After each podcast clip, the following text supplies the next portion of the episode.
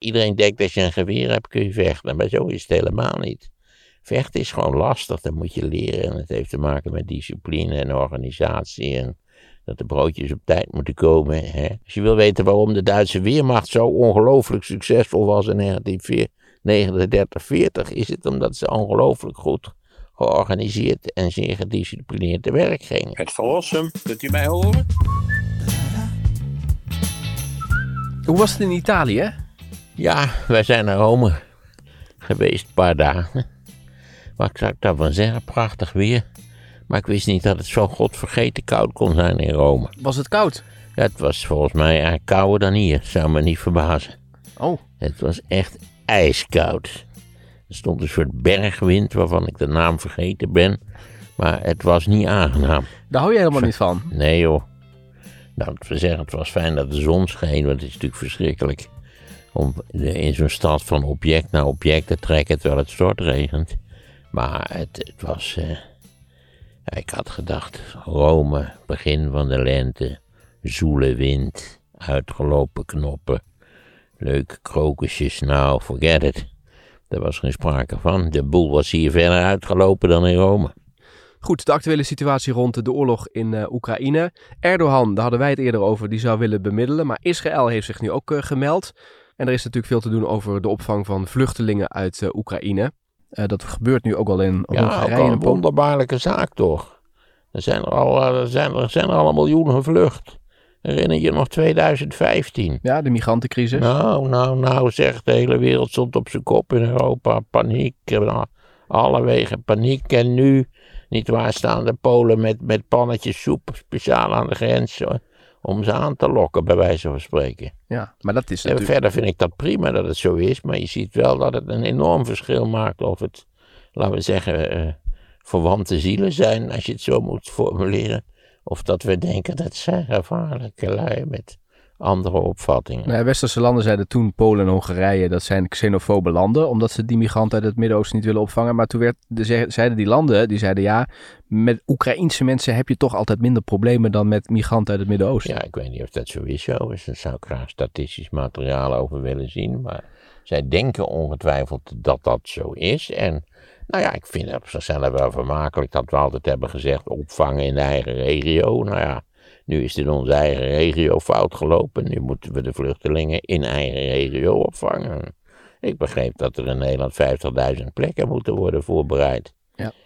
En aangezien er kort geleden en zelfs nog niet eens een paar honderd bij konden, ben ik wel benieuwd hoe dat gaat. In Polen heeft gezegd een plek voor 1 miljoen, maar de VN verwacht volgens mij 10 miljoen mensen uit Oekraïne die daar Dat wegvluchten. lijkt mij aan de hoge kant, eerlijk gezegd. En een deel zal wel weer terugkeren, want een deel is natuurlijk in paniek gevlucht. En ik dacht van, godsnaam, waar moeten we heen? Eh, 10 miljoen lijkt me veel. Dat zou in feite dus eh, 20% van de bevolking van de Oekraïne zijn. Eh, Maar goed, wie ben ik om daar een eh, reële Ja. schatting van te maken? Maar ik zou verbaasd zijn als het er 10 miljoen worden. Ondertussen zijn er ook wel wat mensen die eh, die kant op trekken, die dus teruggaan om te gaan vechten. Ja, dat zijn mannen tussen, wat was het ook weer, de 20 en de 60 geloof ik. Eh, heldhaft ook vrachtwagenchauffeurs die normaal op de vrachtwagen zaten, die gaan ook terug. Eh, toch wel heldhaftige beelden soms. Ook mensen die voor zo'n wapenloop van zo'n tank gaan Zeker, ja, staan. als je maar woedend genoeg bent, en verontwaardigd genoeg en, en ja, geschokt natuurlijk door datgene wat er gebeurd is. Als je net het huis tegenover je elkaar hebt zien schieten. Ik kan me daar wel iets bij voorstellen. Niet dat ik zelf iets dappers zou kunnen doen, maar ik kan me er wel iets bij voorstellen. Vooral in woede en, en in, in verbijstering. Ja, Ja. want dat blijft natuurlijk verbijsterd dat deze maloot, ja, hoe moet je het anders noemen? Ja, moet je, moet je nou zeggen, moet je nou van een maloot spreken? Of moet je zeggen, dit is ragfijn doordacht. Dit zal de positie van het land uiteindelijk enorm versterken. Eh, nou goed, laten we even ophouden met het gemakzuchtige maloot noemen. Ja, hij heeft iets gedaan waarvan je toch als buitenlandse waarnemer moet zeggen dit kan haast geen positieve effecten hebben op de lange termijn. Dit moet leiden tot eh, grote economische schade sowieso, maar ook tot enorme reputatieschade. Hij, zal, eh, hij is nu 69 geloof ik, hij zal geen enkele internationale conferentie meer bijwonen. Of hij moet uitgebreid zijn excuses aanbieden en zijn troepen terugtrekken. Nou ja. Dat gaat niet gebeuren. Dat is te vrij. Ik denk dat iedereen zo meteen dolblij is als eh, hij zegt... jongens, nou, nu heb ik mijn doel bereikt. We, we tekenen vrede. Wapenstilstand, er wordt niet meer gevochten. Nou, ik denk niet dat, dat hij er zo makkelijk mee wegkomt. Dat kan ik me niet voorstellen. Eh, Zolang daar sprake is van een bezetting, zolang daar waarschijnlijk toch hele vervelende tafereelen zichtbaar worden, moord en doodslag, eh, gevulde gevangenissen, nou ja, het bekende, het bekende Russische werk, nietwaar, waar ze zulke meesters in zijn, eh, dan denk ik niet dat dat zo makkelijk geschikt kan worden. Hm, maar niemand gaat wat doen. Het enige wat we kunnen doen zijn de sancties. Nou ja, wapens leveren. Er, Ja. zijn, er zijn er diverse gemeenschappelijke grenzen met EU-landen. Die kunnen die volledig gezekerd worden? Ik denk het niet eigenlijk. Dus daar moet iets te doen zijn. Ja, maar je kunt niet Poetin dwingen om weer terug te gaan vanuit Nee, Oekraïne. daar kun je hem niet toe dwingen, nee. Dat zal niet Konden zo we dat maar, dan moesten we het meteen doen. We hebben niet, beschikken niet over de middelen om dat te doen. Sterker nog, we hebben altijd gezegd dat we dat niet konden en niet wilden. Nou goed, het verhaal wat je ook nog hoort is dat in Moldavië, daar zitten ook nog wat, eh, wat Russische gezinden. En dat, die, willen, die regio willen ze, die grenst aan Oekraïne, die willen ze er ook bij gaan Je betrekken. bedoelt dat Transnistrië? Ja, daar willen ze dus schijnbaar naartoe trekken. Want ze trekken nu vanuit het eh, zuiden trekken ze op. Ze hebben in het oosten hebben ze natuurlijk ook al eh, die eh, pro-Russische Nou ja, ik wens er alle sterkte bij. Voor zover ik het heb kan zien op de kaarten, is dat niet erg noodzakelijk. Omdat het Russische offensief juist in het zuiden vrij effectief blijkt te zijn. En in het noorden veel minder effectief. Denk aan die 60 kilometer file. niet waar, waar de broodjes op zijn. ja, dat is. Ja. Alles wat je daarover leest, zeg je, de, die lui hebben geen verstand van logistiek. Wat als je wil vechten echt een heel ernstig probleem is. Ja. Je zou toch kunnen zeggen, het, eh, het, eh, want eh, ze hebben natuurlijk in Oekraïne niet een goede sterke luchtmacht. Volgens mij is die ook vernietigd al inmiddels. Nou, het- dat is een van de gekste dingen. Je komt er niet erg achter, want je leest ook geen getallen daarover. Maar eigenlijk werd gezegd al op de eerste of de tweede dag dat de Oekraïnse luchtmacht volledig was uitgeschakeld. Maar ik begrijp dat die Oekraïnse luchtmacht helemaal niet volledig was uitgeschakeld. En dat die af en toe ook wel actief is. Ja, het is, is natuurlijk getalsmatig niet indrukwekkend, maar dat geldt voor het hele Oekraïnse leger natuurlijk. Dat Ja. het vergeleken met het Russische leger natuurlijk geen, geen partij is. Nee. Zij het dat ze, dat ze vechten in situaties waar, waar het voor een traditioneel leger vervelend vechten is. Bijvoorbeeld grote steden. Ja. Dat is lastig.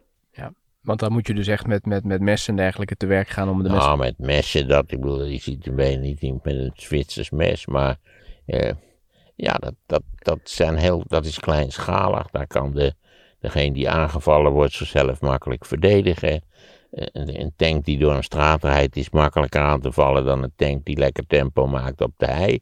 Eh, want je ziet ze altijd oefenen op de hei, maar eh, in- bij straatgevechten is dat heel problematisch. Ja. Kan eh, het Oekraïense leger iets doen tegen die 60 kilometer lange kolonne? Ik zou zeggen van wel. En ik begreep dat ze dat ook wel deden. Ze hadden bl- bruggen opgeblazen. En, en voor, voor zover ik die beelden zag. Maar ja, ik ben helemaal geen duider van, van satellietbeelden. eh, waren het ook wel dennenbomen waar ze tussen stonden. Dus dan in principe moet je die kolonne met hit en run eh, acties eh, kunnen bestoken. Dacht ik bij mezelf. Ja. Maar het gebeurt nog niet tot op de, dit Ja, ik moment. ben vier maanden in dienst geweest. Dus dat, eh, Nou ja, wat ik wel opvallend vond is dat het ministerie van Defensie hier in Nederland heeft gemeld dat meer Nederlanders willen vechten in het leger door de oorlog in Oekraïne. Ze hebben, oh, eh, nou ja, nou- normaal krijgen ze 350 sollicitaties binnen en de afgelopen week waren het er ruim 700. Ja, het is zo wonderlijk zoals mensen reageren. Maar ik weet niet of sollicitaties die mensen die hebben dus. Maar mensen die kunnen vechten, die dat geleerd hebben, die kunnen ze denk ik goed gebruiken. Maar wie heeft dat nu nog geleerd tegenwoordig dan? Nou ja, dat, dat is toch een heel probleem met dat vechten. Dat mensen zich denken, iedereen denkt dat je een geweer hebt, kun je vechten. Maar zo is het helemaal niet. Vechten is gewoon lastig, dat moet je leren. En het heeft te maken met discipline en organisatie. En dat de broodjes op tijd moeten komen. Hè. En, en, en nogmaals daarvoor, als je wil weten waarom de Duitse Weermacht zo ongelooflijk succesvol was in 1939-40, is het omdat ze ongelooflijk goed georganiseerd en zeer gedisciplineerd te werk gingen. Bovendien in een zeer hoog tempo. Dat is ook nog een zaak van gewicht. Het heeft jaren geduurd voordat de tegenstanders van de Weermacht hadden geleerd hoe je ze aan moest pakken. Dus ja, het, het is van zaak dat je mensen hebt die goed kunnen vechten. Je zag natuurlijk, dat was aandoenlijk en, en, en ontroerend. Van die mensen die dan bij een kantoortje kwamen ergens in Kiev en die kregen allemaal een geweer en dan werd er die, eh, de meest intelligent uitziende heeft gezet, jij bent de commandant en dan marcheerden ze om de hoek weg. Maar ja, wat dat gaat uitwerken, dat weet ik niet precies. Heb jij leren schieten? Nee, ik ben nooit, ik ben uiteindelijk met, hoe heet dat, eh, studieverlof uit dienst Ja. gekomen. Ik had toen al wel geleerd om de Uzi uit elkaar te halen, maar ik heb nooit geschoten. Ik heb alleen ooit voor een reportage in Amerika op een schietbaan geschoten. En wat is je daarvan bijgebleven? Nou, iets heel merkwaardigs. Eerst het jaar waar ik schoot met, dat had ik gevraagd, met het kleinste kaliber wat er was.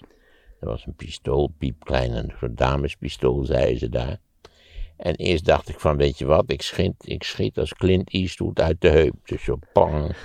zeg, raadselachtige reden had ik meerdere malen dat papier getroffen wat 20 meter verder hing. Toen dacht ik, nou, dit, dit gaat zo geweldig, nou ga ik eens even echt mikken. Dan zul je zien dat ik in de prijzen val, bij wijze van spreken. Ja, ik dacht aan de kermis en zo. Dus ik, ik ga mikken. En dan moet je ook je, je handen heel stil houden en, en zorgen dat je dat, dat, dat, omhoog schiet. En ik had dat je dat een beetje compenseert. Ik had een heel lulverhaal. Nou, die, gaatjes van de tweede sessie waren niet eens te vinden. Ik weet niet wat er met die kogeltjes gebeurd is. Maar ja, het beangstigende is dat je staat op zo'n schietbaan. En er staan allemaal keurig uitziende mannen van middelbare leeftijd met zo'n, hoe heet het, met zo'n eh, eh, mhm, 15, een AR-15 heet dat ding. Te knallen alsof ze volkomen knettergek zijn. Het is eh, dat je, dat je steeds denkt, joh, dat je er eigenlijk op zegt, joh, rustig aan. Kalm aan. Ik bedoel, je hoeft de wereld niet aan flarden te schieten, zo op die manier. Alsof het een soort verslaving is, een kick. Waarschijnlijk is het dat ook. Happiness is a warm gun. Ja. Hè? Dus het was een hele nuttige ervaring. Er zijn de functies die in trek zijn bij eh, het ministerie van Defensie, of waar mensen dus op schrijven, zijn commando's, infanterie en de marechaussee. En ook willen mensen zich aanvelden als reservist. Nou ja, ik wens het allerbeste. Ik vind het fijn dat ze het doen. Ze hebben ook nog even op rij gezet waar de meeste aanmeldingen vandaan komen. Wat blijkt, de, eh, de grote steden, dus Amsterdam, Utrecht en Rotterdam, ze- daar komen de meeste aanmeldingen vandaan. Minste belangstelling vanuit Noord-Brabant. Ja, die zaten natuurlijk met de carnaval. Dat zei Defensie ook, ja. Ja. Ja, Waarschijnlijk, de, die hebben carnaval gevierd, ja. We hebben dan eh, tot slot nog de economie. Want ehm, de economie van Rusland wordt natuurlijk eh, beschadigd. Maar onze economie, die eh, leidt dan natuurlijk ook onder, denk ik. Zeker, wij hadden last van elkaar. Wij importeerden geloof ik graan uit de Oekraïne. En wij exporteerden van alles en nog wat natuurlijk naar Rusland.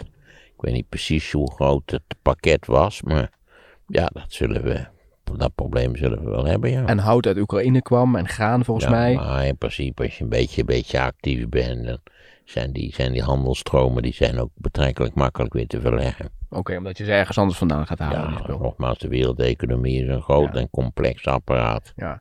Moeten we het energiebeleid ook eh, fundamenteel gaan herzien hier? Dat moeten we sowieso.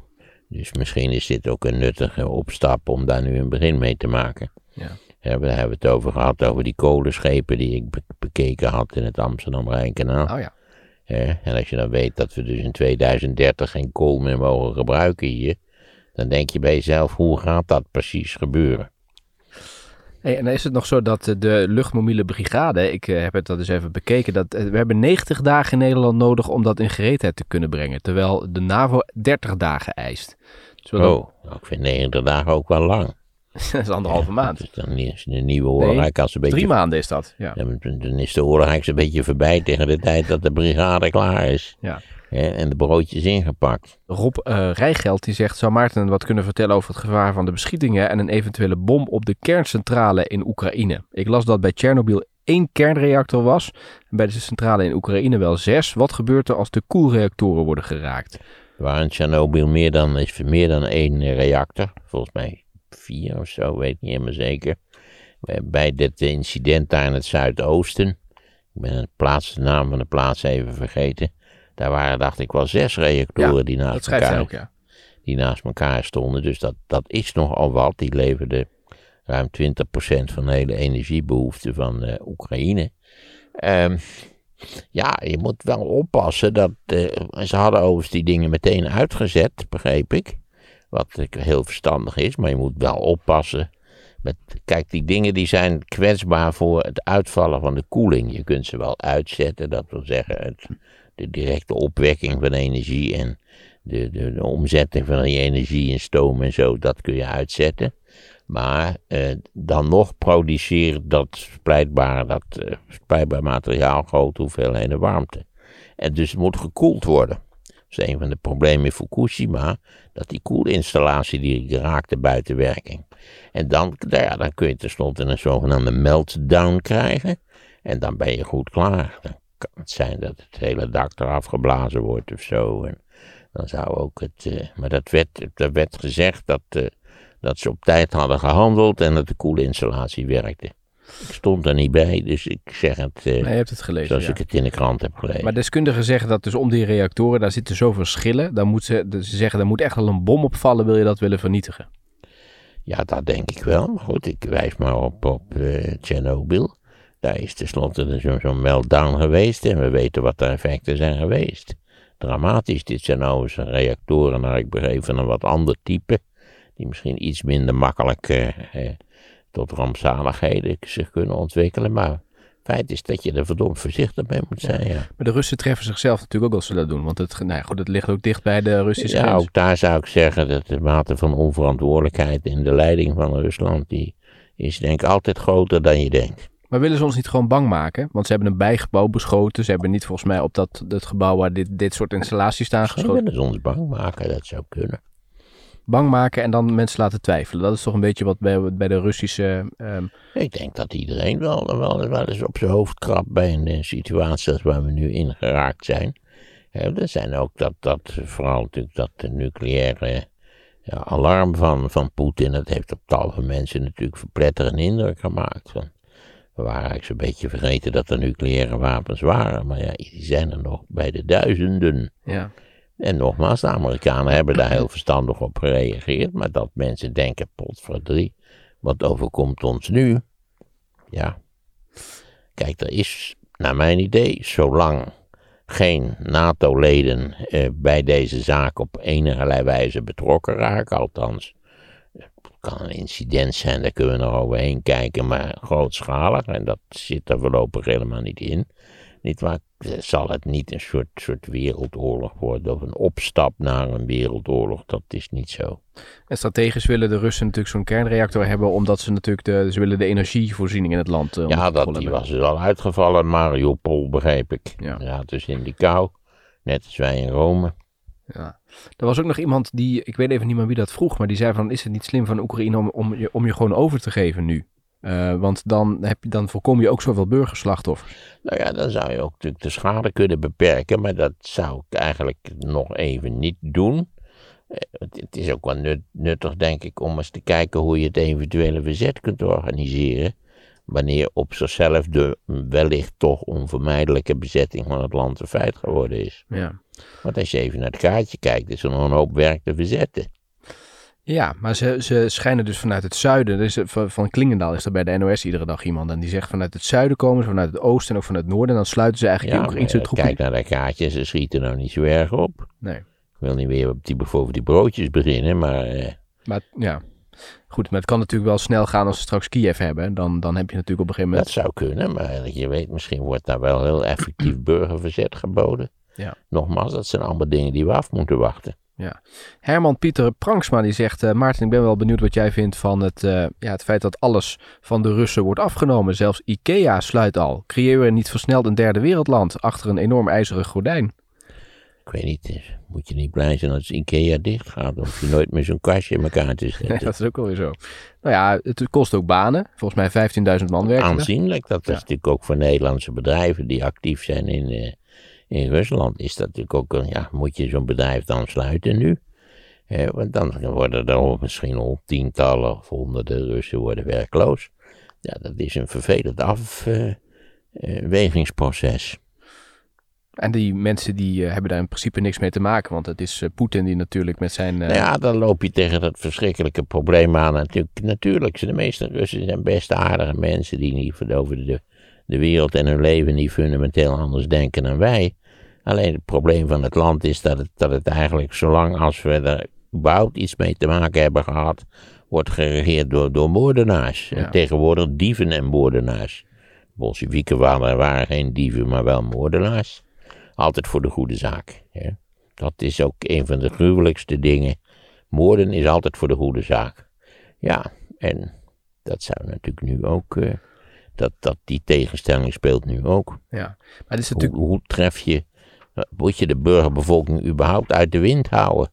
Denk aan de Tweede Wereldoorlog. Denk aan het, het, het vuurbombardement op Tokio. Dat heeft honderdduizenden slachtoffers gevraagd. In één enkele nacht. Ja, dat, dacht je dat die Japanners dat leuk vonden? Pal achter de overheid stonden? Nee. Nee. Het, het grote probleem van oorlogvoering is dat vooral mensen die er absoluut niet schuldig aan zijn en heel weinig aan kunnen doen, dat die getroffen worden. Ja. Maar deze mensen in Rusland worden ook gehersenspoeld, hè? want die hebben geen idee wat er aan de hand is. Want het is niet nee, dat, dat komt er dan nog bij. Het is het, hoeveel hebben ze het verkocht? eh? Nou, in feite is het politionele actie. Ja, militaire actie had hij gezegd. En eerst was het een vredesmissie. En toen werd het Ja. volgens mij een militaire actie. Dat is wat ze dus ook zeggen. Dus ik begreep ook dat er dus tussen families van mensen in het Westen en, en eh, families in Rusland een enorme discussie is over hoe dit zit. Ja, zeker. Nou ja, je weet bij de Russische overheid altijd dat ze altijd liegen over alles. Dus je weet wel eens een beetje hoe de, hoe de wind waait. Ja. Zou het niet mooi zijn, zegt eh Harmer Voshol, om de Russen ehm, ieder half uur een sms te sturen met een psychologisch berichtje waar geschreven wordt hoe werkelijk de situatie in, Daar in zou ik elkaar zit? enorm zenuwachtig van worden als Rus. Ja, maar ja, dat, Elk half uur zeg, goed oh god, ja. kalm aan. Nou, er waren dus al ideeën om bij Russische restaurants recensies te plaatsen. En die recensie dan te gebruiken om vanuit het Westen te vertellen hoe het echt zit. Hoe is het mogelijk? Het is allemaal wel creatief bedacht, Ja. maar dit is toch wel een beetje prutswerk. Nog wat andere vragen. Eh Siebert is tijdelijk opgepakt. Hij is inmiddels weer vrij. Ja. Maar eh, ja, mensen ben- zijn toch wel benieuwd van hoe jij dat nieuws gevolgd hebt. Nou, minimaal. Ik ben nou niet bepaald een door Sievert geobsedeerde figuur. Eh, ik heb er ooit één eh, juridische verhandeling over gelezen, waaruit ik begrijp dat de zaak die Randstad heeft aangespannen en waar vanwege de welke hij nu dan even is opgepakt, dat hij wel een kans maakt.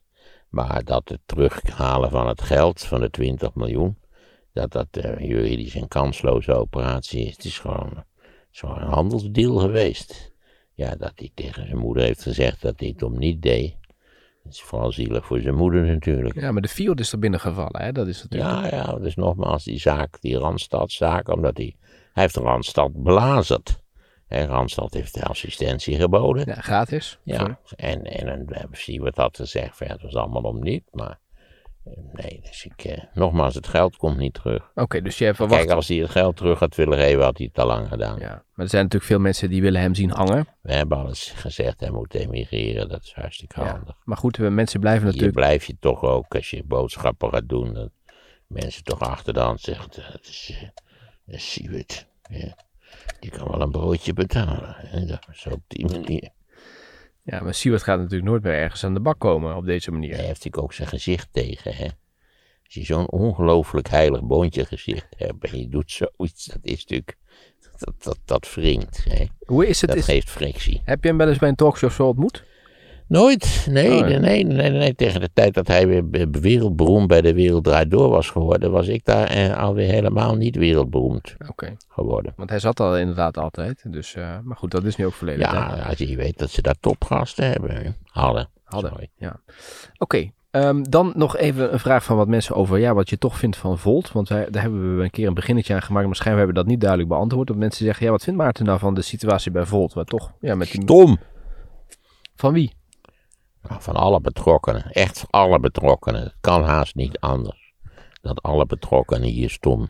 Je hebt dus een alleraardig nieuw partijtje. Je hebt drie kamerzetels heb je veroverd. Iedereen was er zeer over te spreken. Ik heb zelf nog wel eens gedacht, zou ik op Volt moeten stemmen? Nee, dat ga ik nooit meer doen, op Volt stemmen. Dat kan je, dat kan ik zo over. Je hebt dus een hele, ja, veelbelovende situatie heb je getorpedeerd. Doordat je het onderling blijkbaar op een nog een kinderachtige manier niet eens kon worden. Is die mevrouw gek of is, is, is, is er de volkleiding? Ik heb geen flauw idee. Ik ga me er ook absoluut niet in verdiepen. Maar ik vind het ongelooflijk stom. De rechter heeft ook gezegd van dit kent alleen maar verliezers waarschijnlijk. Maar is het niet te, te hard dat je ze beoordeelt door één akkefietje? Nee, dat lijkt me niet. Als je met z'n drieën er zo'n puinzooi van maakt. Nee, en, en, je weet dat je een beloftevolle club bent en, en, en, en je doet dit. Nee. Ja, maar goed, in de grotere Want partij. dan is ook, kijk, misschien is die mevrouw knettergek, dat kan zijn. Hè, maar goed, dan is het al een kapitale fout dat je een knettergekke mevrouw hebt aangenomen. Ja. Maar goed, het, eh, het zegt niets over hun standpunten voor de rest. Nee, maar het zegt wel iets over het functioneren. Hè, stel voor dat de fractie bij een volgende verkiezing vijf keer zo groot was geworden. Niet waar? En, en eh, ze zijn niet in staat om intern eh, tot een redelijke consensus te komen. Ja, dat is niet erg overtuigend. Oké, dus dan vind je dus de, bijvoorbeeld de PvdA. Ja, nou is het natuurlijk een kwestie dat al die partijen tegenwoordig voortdurend stond met, met, met hun eigen, eh, hoe heet het, Types Kamerleden hebben. Ja. Want ja, hoe heet het, de Omzicht was nummer twee op de lijst van het CDA. En, en eh, hebben ze die bij Bedenk hebben ze ook toch de meest verschrikkelijke dingen gedaan. De PvdA had toch ook iemand die ze eruit hebben gezet omdat hij eh, seksueel overschrijdend gedrag heeft. Ja, ook, ook daar, ja, zeker. Maar daar wil je van zeggen, daar wordt het beter aangepakt, want daar hebben ze dus dat interne... Nou, het was ietsje beter aangepakt en de jongen is, is geloof ik heel spoedig vertrokken. Maar misschien zou het hele selectieprocedure eens een beetje behoorlijk Ja. doorgelegd moeten worden. Ja. Maar daar, daar, stel dat het bij D66 zou spelen, zou je toch ook eh, niet meer op die partij, niet meer stemmen als dit, ze- als, als, als dit speelt? Ik- Nou, als het langdurig en ernstig escaleerde, zoals ook hier het geval is geweest, Ja. dan zou ik zeggen, het is mooi geweest. Ja. Al wordt het natuurlijk steeds moeilijker om op een, een gezelschap te stemmen wat min of meer coherent en rationeel handelt. Niet waar, waar de broodjes op zijn. Russian President Vladimir Putin ordered his country's deterrence forces, which includes nuclear arms, to be placed on high alert. Meer weten over de geschiedenis van kernwapens? Misschien hebben we gedacht aan het eind van de Koude Oorlog dat het wel eens een beetje afgelopen was met de atoombommen. En waarom de internationale gemeenschap dacht dat we ze nooit meer zouden gebruiken? Hoe reëel was eigenlijk de kans dat we daadwerkelijk nucleair zouden worden opgeblazen? Hoor je in het luisterboek Kernwapens. Was die kans groot? Download het luisterboek via de link in de show notes.